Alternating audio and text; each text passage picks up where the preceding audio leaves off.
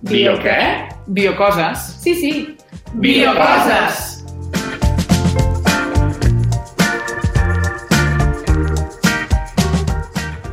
Molt bon dia des de Mataró Ràdio i benvingudes a Biocoses, un programa en què parlem de ciència i salut perquè tothom la pugui gaudir i entendre com ho fem nosaltres. Aquí a l'estudi tenim l'Oriol Buscà La Laia Torres. i des de la distància l'Aina Pucurull i la Cèlia Ventura. La biocosa d'avui és... Quin era la biocosa d'avui? Ai, un, un missatge de la Cèlia. Bon dia, equip. Um, mira, us envio aquest missatge de veu i si veus bé ara us truco perquè estava pensant i avui a Suècia tenim més o menys sort perquè pinta que no baixarà dels menys 7 graus. Però a veure, sí, fa fred, fa frescota. I, i aquesta sensació és una cosa que tots hem sentit alguna vegada, no? Quan la temperatura comença a baixar i els pèls se'ns posen de punta, posem les mans en punys perquè els dits estan patint i ens posem la bufanda fins al nas. Tenir fred és una sensació normal, bueno, sempre i quan no siguin extrems. I pensava, i si indaguem una miqueta això del fred? Bé, per tant, la biocosa d'avui és... El fred.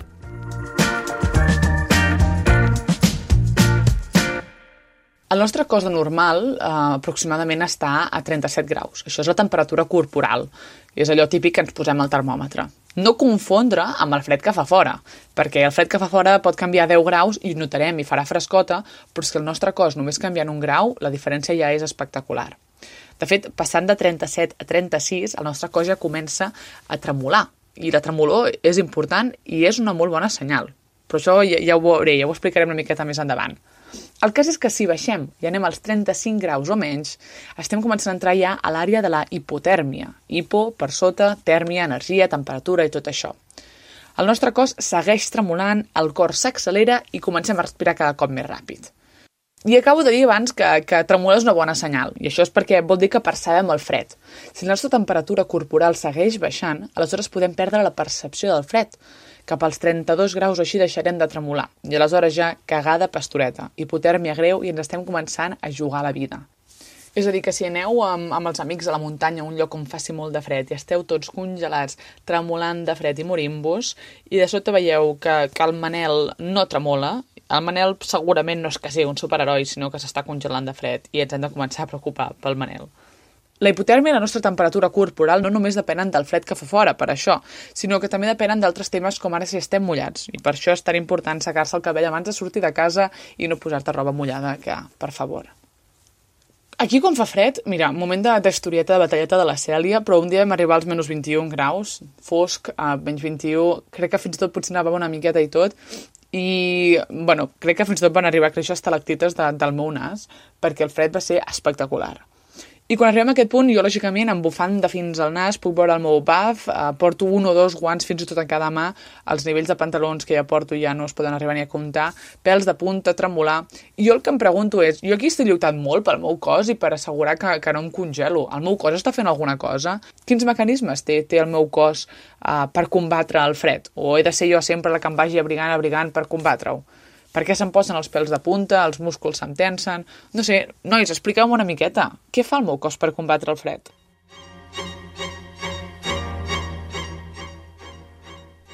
Bé, segurament Vivaldi, quan va escriure aquesta obra, no ho sabia, però el nostre cos té una sèrie de mecanismes per regular la nostra temperatura, els mecanismes de termoregulació.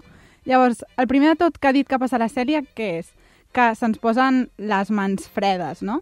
I això per què és? És per un fenomen que es diu... Perquè fa fred. Exacte, perquè fa fred. Molt bé, Uri. Has entès que avui el programa del fred, eh? és per un mecanisme que es diu vasoconstricció. Vaso dels vasos sanguinis i constricció doncs, que es fan petitons. Llavors, quins vasos són? Són sobretot els vasos de la pell. Per això les mans se'ns posen pàl·lides i fredes perquè no els hi arriba la irrigació. I on va aquesta sang? Per què els vasos de la pell se'ns fan més estrets? Perquè en els ah, quan tenim fred, la sang se'n vol anar cap als òrgans vitals que es troben concentrats al centre del cos. I, per tant, treu la sang dels llocs més indispensables. El següent que passa que és la piloracció, no? el, el, la pell de gallina, coneguda eh, col·loquialment. I això passa perquè els músculs erectors dels folicles pilosos, dels pèls, es contrauen. Això en els humans no influeix gaire perquè no tenim molts pèls, però és un vestigi dels nostres ancestres que sí que tenien pèl. Els mecanismes més importants de termorregulació són els de termogènesi, no? la creació de, de temperatura. La termogènesi obligatòria és el component principal d'aquesta creació de calor i ve per la taxa metabòlica basal. És a dir, totes les reaccions que hi ha al nostre cos, totes les reaccions metabòliques, a tots els òrgans s'alliberen calor. Ah, i per això els morts estan freds, perquè no tenen aquestes reaccions. O... Que perquè quan estàs mort ja no tens cap reacció. No és que tots els morts es morin d'hipotèrmia, sinó que ja no hi ha... Ja no hi ha caloreta, no? Vale. Desgraciadament no. Llavors, uh, això seria la termogènesi obligatòria, que té lloc contínuament a tots els òrgans del cos, i després hi ha un altre tipus, que és la termogènesi facultativa, que pot ser activada ràpidament o desactivada i es produeix sobretot en dos teixits, el múscul esquelètic i el greix marró. El múscul esquelètic és el múscul que coneixem tal qual, no? el que ens ajuda a moure's, el que ens ajuda a fer esport, tot aquest. Què provoca aquesta termogènesi? Provoca les tremolors també molt famoses que, que fem quan tenim fred. Llavors, el que passa fisiològicament és que es contreuen tots aquests músculs esquelètics involuntàriament per tal d'alliberar calor i per la fricció física que fa aquest moviment es genera escalfor. O sigui, que tremolem per evitar el fred, no ho fem perquè sí. És una reacció que té el cos per això, per crear energia nova, perquè si no tremolessis, tota aquesta energia acumulada als músculs que no estàs utilitzant es perdria i en moments del fred que necessites crear tanta um, energia com puguis i tanta calor, es treu d'on sigui. I tota aquesta acció involuntària està controlada per un petit centre regulador al nostre cervell que es diu hipotàlam, que ja en parlarem un altre dia perquè l'hipotàlam controla de tot i més, però això que sapigueu que és el centre principal de la regulació. Hipotàlam. Hipotàlam. Llavors, a part d'aquesta termogènesi eh, facultativa del múscul esquelètic, també hem dit que n'hi ha un altre que és el greix marró, que també és un mecanisme molt interessant i bé, consisteix en... No, aquesta no l'expliquis perquè a mi m'agradaria explicar-ho més endavant amb un exemple i una anècdota que és, és xulo, xulo. Bé, doncs, no faré spoilers. Eh, T'ha quedat més clar, Cèlia? Ai, moltes gràcies per l'explicació, Laia. Vale, ara ja ho entenc molt millor.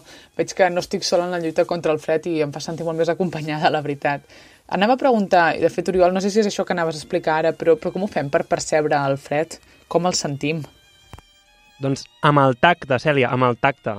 El percebem gràcies al tacte. Tots tenim entès que el tacte ens permet saber si el que toquem és aspre, és suau, és dur, però és que també ens permet conèixer la temperatura de les coses que ens toquen la pell. El tacte és un sentit que es troba principalment a la pell, amb òrgan en el qual es troben diferents classes de receptors nerviosos que s'encarreguen de transformar els diferents tipus d'estímuls de l'exterior en informació, i aquesta informació serà interpretada pel cervell. El sistema somatosensorial, o mecanorecepció, és a dir, recepció de coses mecàniques, mm, físiques, que es, que es mouen o que, que es poden tocar, um, és aquell uh, que permet als organismes percebre qualitats dels objectes i mitjans com la pressió, la temperatura, la suavitat, la duresa... Anem a veure, realment què passa quan tenim fred? Per què percebem que baixa la temperatura? Com pot ser que ho percebem? La sensació del fred comença als termoreceptors, que estan repartits per tota la pell, com ja hem dit, i aquests farien, per dir-ho d'alguna manera, de mini termòmetres que detecten el descens de temperatura. Són terminacions nervioses, és a dir, són branques dels nervis que neixen al sistema nerviós central, al cervell, a la medul·la espinal, i acaben amb aquesta estructura que fa de termòmetre. I estan a tot el cos o només a les mans? Estan a la pell, estan a, a tota la pell, tot i que hi ha zones del cos amb més densitat d'aquests termoreceptors que altres. I tenen un nom aquests receptors, són els, el corpuscle de Ruffini i el corpuscle de Krause. Epa, el Ruffini de les mates o què? No, no, aquest és en Paolo Ruffini. Jo estic parlant de, de l'Angelo Ruffini. Ah, ok, excusa, excusa. no sé si eren cosins. Però bueno, tornant als termoreceptors. Si fa fred, pup, aquests s'activen i envien informació que viatja a través dels nervis fins l'hipotàlam, que és aquella part del cervell amb funcions molt diverses, i una d'elles és regular la temperatura. Així doncs, l'hipotàlam és el centre regulador de la temperatura corporal. si recordeu, era també el que ha dit la Laia que dirigia el tremolor. Podeu imaginar que és com una centraleta de molts nuclis neuronals, de, de moltes neurones, encarregades de regular les constants vitals del cos, la temperatura, la pressió arterial... És com una centraleta. I tot això ho fa sense que ens n'adonem. Amb aquest control central tan sofisticat, el cervell s'activa per buscar escalfor. Al moment, l'hipotàlam allibera determinades hormones i activa el sistema nerviós. I és així com el cos decideix posar-se a tremolar, fer vasoconstricció, abrigar-nos, també. Buah, ara em sap com greu haver criticat el meu cos, és superintel·ligent. Estava pensant per això ara amb això de percebre el fred, que a casa meva la meva mare és superfredolica i sempre va amb manta al damunt i ma germana, no sé si és perquè està en aquesta època d'adolescent bogeria en el qual no, no es nota el fred, però sempre va amb màniga curta i un jerseet i ja ho tindríem. I uh, hi ha algun mecanisme diferent o, o per què la gent percep el fred diferent?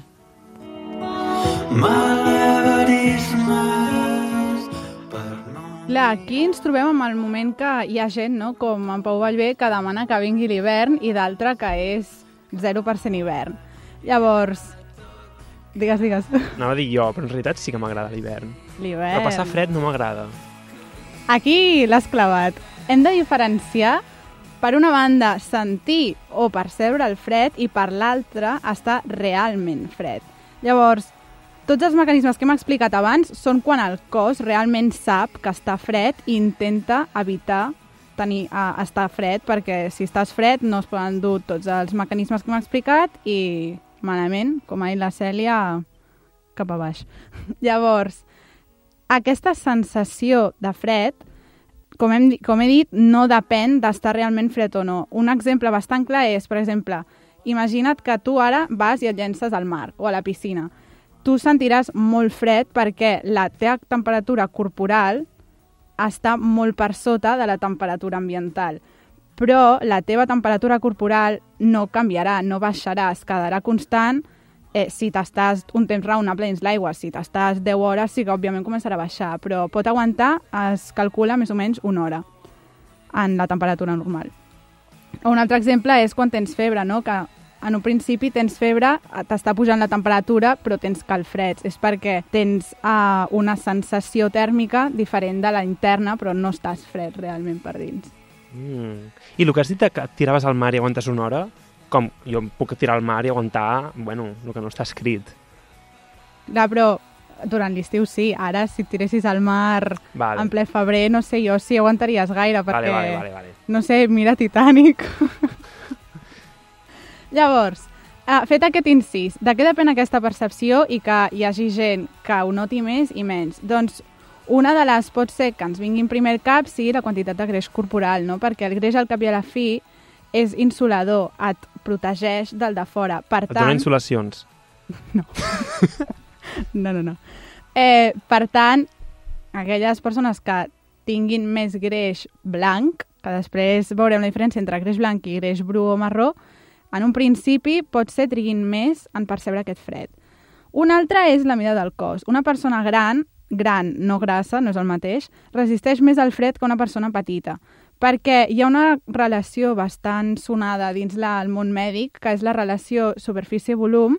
La superfície seria la, la pell i el volum seria la massa corporal. Llavors, la gent que té eh, una superfície-volum um, més gran que seria la gent corpulenta, genera molta calor, però en perd menys, en proporció, que les persones més petites. O sigui, que si tens més pell, perds més calor, i si tens menys pell, perds menys calor.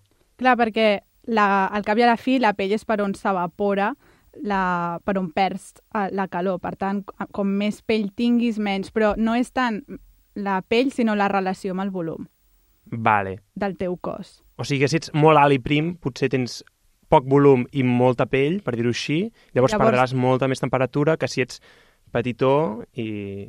Correcte. Vale. Que, si t'hi fixes, la gent que viu als pols solen ser petites però molt robustes. Per tant, tenen Ah. molt poca superfície però molt volum. Ah, per no perdre calor. Clar, no perden tanta calor. Ostres. Què passa? Les dones, en general, també són més petites que els homes. Per tant, per això les dones, o algunes dones, eh, tenen més fred en relació que els homes.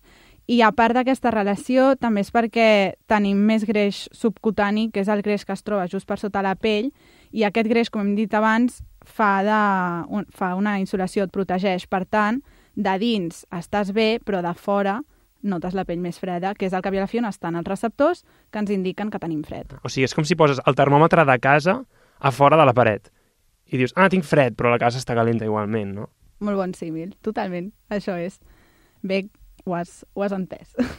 Una altra cosa important, sobretot amb això del teixit subcutani, no? Notem els canvis de temperatura, però no notem el valor absolut. O sigui, tu notes que la temperatura de fora està més freda, però no notes que el teu cos s'hagi refredat perquè realment no passa això. Ah, vale. O sigui, per això quan passeges pel carrer i fa fred i vas amb abric, entres a una botiga amb l'abric i al principi estàs bé, però quan surts tornes a tenir fred quan, quan, quan en realitat tens les mateixes capes de roba que al principi. És per això, perquè tu estàs notant el canvi de temperatura, no estàs notant realment la temperatura que hi ha fora. Exacte, perquè la teva pell la teva temperatura externa s'ha adaptat a la temperatura interna i, per tant, en sortir nota que has baixat Vale. d'aquesta temperatura on estaves bé i llavors és per això que, tot i que portis l'abric, tinguis fred. Vale, vale, vale, vale. I llavors ve una altra que està una mica relacionada amb, amb el tema del greix i amb coses que m'han anat comentant és la taxa metabòlica. Tenir un metabolisme molt fort de, dins del cos fa que es gasti molta energia i, per tant, aquest desgast d'energia eh, aporta calor. Per tant, la gent que té un metabolisme més accelerat normalment trigarà més en tenir fred. Vale, aquesta pregunta ja és per punts extras i és que no sé ni si és cert, però jo tinc la sensació que quan comença el fred el sentim molt fort i en canvi després ens hi com acostumem. Ens podem acostumar al fred? Sí, aviam, aquesta pregunta bonus, eh? Um, com hem dit, ja de per si hi ha eh, grups socials que estan acostumats perquè hi han viscut molt en el fred, com serien, per exemple, els inuits o la gent que viu als pols o els andins, perquè els andes també altes... Altes... Els endins i els en fora? Tumx. Uh, viuen a... viuen a molta alçada on hi fa fred. Però aquí el que suposo que es referia a la Cèlia és, no sé, en el cas mateix de la Cèlia, per exemple, jo crec que si, la, si ara la Cèlia vingués aquí a Barcelona, segurament aniríem tirants, després d'haver viscut a Suècia amb tot el fred que feia. I això és perquè el cos té tres mecanismes principals per acostumar-se al fred, perquè si no, si no s'hi acostumés, acabaria morint d'hipotèrmia o estaria gastant una d'energia metabòlica bestial per poder compensar aquesta pèrdua de, de calor, no? Llavors, la primera de totes es diu habituació, on principalment la vasoconstricció que hem explicat abans, l'augment del metabolisme i el, la baixada de la temperatura perifèrica, o sigui, de la temperatura de la pell, no és tan accentuada. És a dir, hi ha tots aquests mecanismes, però no es fan d'una forma tan exagerada com quan t'exposes al fred per primera vegada. Aquesta habituació es fa uh, més gran com més temps passes al fred. Si t'estàs un parell de mesos, doncs la vasoconstricció i tot això millorarà una mica, però si ja t'hi estàs 4 o 5 anys, encara més. O sigui, és com un entrenament, no? Estàs entrenant els vasos i tot això. Mm. Mm. Exactament. Llavors, un altre seria l'augment del metabolisme, perquè, com hem dit, l'augment del metabolisme fa que produeixis molta calor, llavors s'ha vist que la gent que viu en llocs molt freds té un augment del metabolisme basal. Vens a fer ninota neu a mi, au va sortir a jugar. No sé per què has tancat amb clau, va surt, sisplau, no entenc què et pot passar. Érem inseparables. I ara... Ai, Uri, tinc una pregunta per tu. Abans que torni a enviar-nos un audio a la Cèlia. Ai, jo estava pensant que ara he entès el mecanisme pel qual, per exemple, els inuits o altres poblacions dels pols aguanten... Els aquest... en fora. els en fora. aguanten la, la, aquestes temperatures tan fredes. Però, clar, jo estava pensant que, en realitat, els humans no som els únics animals que ho fem, no? O sigui, hi ha animals que no només viuen en aigües molt fredes, sinó que alguns, de fet, com els ossos, passen molt temps dormint durant l'hivern, no? Pues sí, I quina casualitat, que és exactament el que us volia explicar abans, i és la hibernació.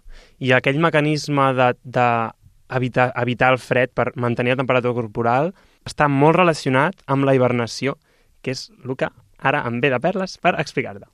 El greix marró, no? Exacte. A veure, la hibernació és un estat d'hipotèrmia mantingut durant setmanes o dies que, com has dit, fan alguns mamífers per sobreviure a l'hivern. Durant aquest temps entren en un son profund per... O sigui, tenen l'estat de consciència disminuït en què el seu metabolisme també es torna menys actiu i així estalvien l'energia. Ho fan perquè a l'hivern és difícil trobar recursos per sobreviure i els val més la pena dormir i esperar que torni la primavera i tornaran a trobar aliments i podran viure pues, vida normal. Clar, però jo ara, si me'n vaig a dormir als Pirineus, no crec que aguanti una nit sense anar-me'n a l'altre barri. O bueno, sigui... una nit potser sí, però, però quatre potser ja no, no? Doncs per fer-ho, aquests animals augmenten la ingesta i a partir de la ingesta absorbeixen més energia i fan greix. Hi ha dos tipus de greix, el greix blanc i el greix marró. I el greix té tres funcions, principalment. La primera és aïllar-se del fred i fer que la calor produïda pel cos no s'escapi cap a fora, i això ho fa el greix blanc. També té la funció d'emmagatzemar energia i aniran consumint-la durant l'etapa en què no es puguin alimentar, durant l'etapa d'hibernació, i això també ho fa el greix blanc. I per últim, una funció que fa el greix és produir calor. I aquest mecanisme és, és brutal i és el que fa el greix marró. I també el tenim els humans, no només ho fan els animals quan hivernen. Tu, Lai, abans ens ens has explicat una sèrie de mecanismes per mantenir la temperatura corporal quan a fora feia fred. Tremolar, la vasoconstricció... Però aquest mecanisme del greix marró és el principal que, es dona, que té lloc durant la hibernació. Perquè, clar, no tenen activitat física, no poden tremolar i el seu metabolisme està molt disminuït. Mm -hmm. Per tant, generen calor a través d'una altra manera. I el teixit aquest adipós marró, què és? Per què es diu marró? Perquè és brut o per què? El teixit adipós marró es diu així perquè és un cúmul de greix, el teixit adipós, on hi passen molts vasos sanguinis i té un aspecte així marronet, silubríssim. Um, I té la funció d'escalfar la sang. La sang és la principal encarregada de distribuir um, tot ple de coses pel cos, tant nutrients, oxigen, i també distribueix la calor. Quan passa pel teixit adipós marró, s'escalfa i en viatjar reparteix l'escalfor a tots els racons del cos. Per escalfar-se, el teixit adipós marró crema els lípids, o sigui, el greix, i s'allibera la calor. Fem una comparació per entendre'ns millor. Tenim una casa, que seria el cos humà, i a fora hi fa fred.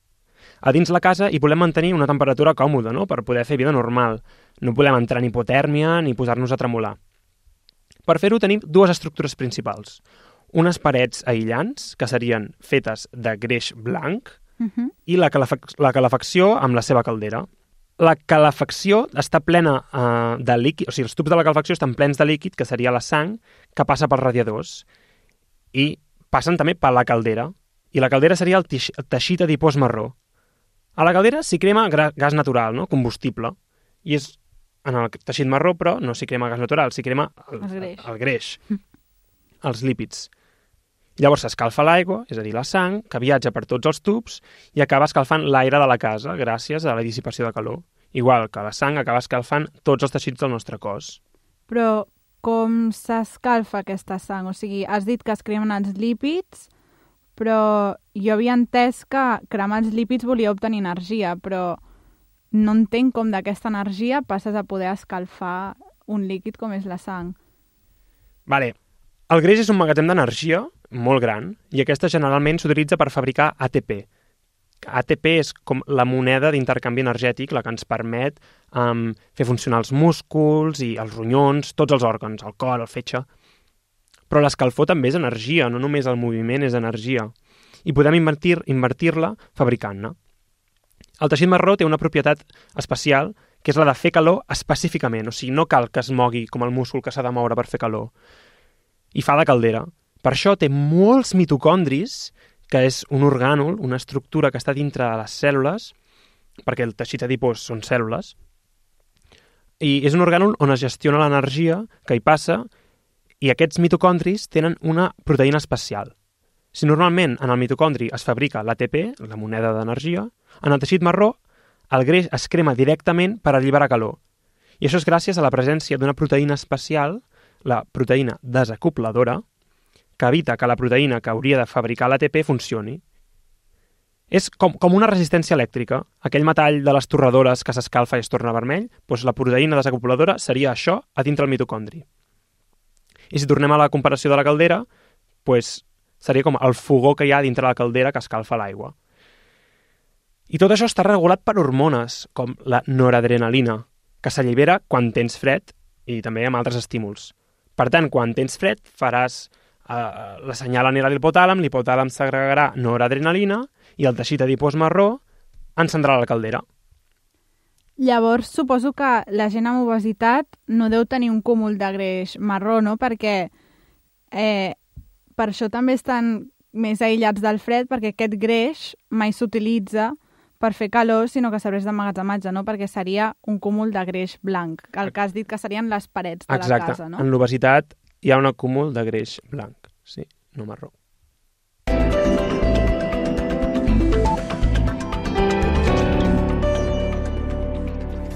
Molt bona nit! I ara sí, passem ràpidament a fer un cop d'ull a la previsió del temps per als propers dies. Neu, neu, neu, neu a cagar, eh? Amb carinyo. M'encanta aquest tall super random del Polònia, super fan. Um, vale, ara que ja hem parlat una mica del fred i de com combatre i coses així, um, del nostre cos, la nostra resposta, jo com a experta corresponsal del fred, més que res perquè m'estic pelant aquí a Suècia, us vull portar alguns consells de com sobreviure a aquestes èpoques tan, tan fredes. Buah, xupito per cada cop que digui fred. Um, en primer lloc, i això crec que és bastant obvi, uh, i ho he comentat abans, evitar portar roba mullada i el cabell mullat. Fàcil, més fàcil no pot ser. En segon lloc, és que una de les maneres per les quals perdem uh, aquesta temperatura corporal, la nostra calor, és a través de convecció, és a dir, amb el contacte amb el vent, amb l'aire, amb, amb, l'aire, amb la nostra pell, amb... Uh, clar, tenim la calor a flor de pell i l'aire ens la roba, i això no està bé, amb la qual cosa, per evitar-ho, podem fer el que la gent normal fa, que és posar-se roba un tema bastant interessant és que hi ha diferents parts del cos que perden diferents quantitats de calor. I això es deu doncs, a la quantitat de vasos sanguinis i de com gruixuda és la pell. Si tenim un vasos, molts vasos sanguinis i la pell primeta, com per exemple en la xella, doncs perdrem més calor per aquelles bandes. És a dir, abrigueu bé la xella.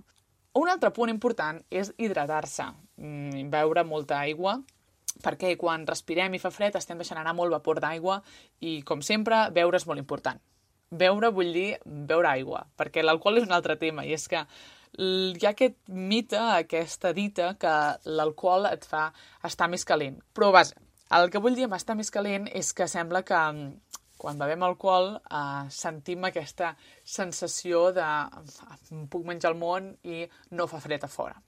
Però realment l'alcohol el que fa és justament el contrari, perquè l'alcohol és un vasodilatador. Com recordeu a l'inici del programa, tal com ha explicat els meus supercompanys, eh, per tal d'evitar la pèrdua de temperatura, el cos fa vasoconstricció, és a dir, fa que els nostres vasos es contraguin. Però l'alcohol va justament en contra, és a dir, que va en contra del nostre cos, i això el que porta és a més pèrdua de temperatura. A més a més, sembla que redueix l'instint de tremolor. O sigui que l'alcohol fa tenir la sensació de calor, però en cap cas és una sensació real, perquè justament el que està fent és el contrari, i a més a més el que comporta molts cops és que la gent es tregui capes de roba i acabi encara sent pitjor. De fet, jo recordo, i això vam estar parlant una mica l'altre dia amb vosaltres, i, i de fet la Padrina i el Toi em van intentar trobar-ho, però no ho he aconseguit, perquè jo recordo un, un Tintín al Tíbet, o potser era un Massaguer, un Jepi Fidel o una Heidi, però no recordo, però sí que tinc aquesta imatge vívida d'un gos uh, Sant Bernard, d'aquests gossos gegants, macos, amb un pelatge espectacular que només vols que t'abracin i que són molt típics del rescat a la neu. I recordo això, un còmic en el qual hi havia una avalanxa o algú estava perdut, hi havia un gos d'aquests típics que tenen molts cops, o uh, les imatges tenen, els barrils petitonets en el coll penjant, en el qual hi porten el licor o algun tipus d'alcohol perquè la llegenda diu, i jo això ho recordo en aquest còmic, que, que jo crec que no és un record inventat, és a dir, que si algú recorda, plau que m'ho digui, i la, el que es diu és que porten allà una mica d'alcohol per tal de que si han de rescatar una persona i troben una persona inconscient o semicongelada, se li pot donar aquest alcohol, llavors així aquesta persona recupera una mica la calor. És un mite com una catedral que va en contra, per favor, si algú s'està congelant, no li dongueu alcohol, que tot això va començar perquè va haver-hi en el segle XIX algú que se li va acudir dibuixar eh, en un quadre un d'aquests gossos amb això del barril i, i bueno, un quadre molt bonic, per cert, es diu Alpine Mastiffs Reanimating a Distressed Traveler o alguna així. Però bueno, i amb això va començar el mite i ja que no, que per favor, si algú està semicongelat, no li doneu alcohol, l'alcohol i el fred no són amics, són, són false friends. A veure, que també us diu una cosa, que jo aquí estic parlant com si fos la fi del món de fred i que viviu a Catalunya. Vull dir que sí que en algunes parts fa frescota, però la resta us poseu una rebaqueta, us poseu una jaqueta i ja ho tindríem. Vull dir, tingueu seny, no sortiu amb els cabells mullats i, i ja ho tindríem.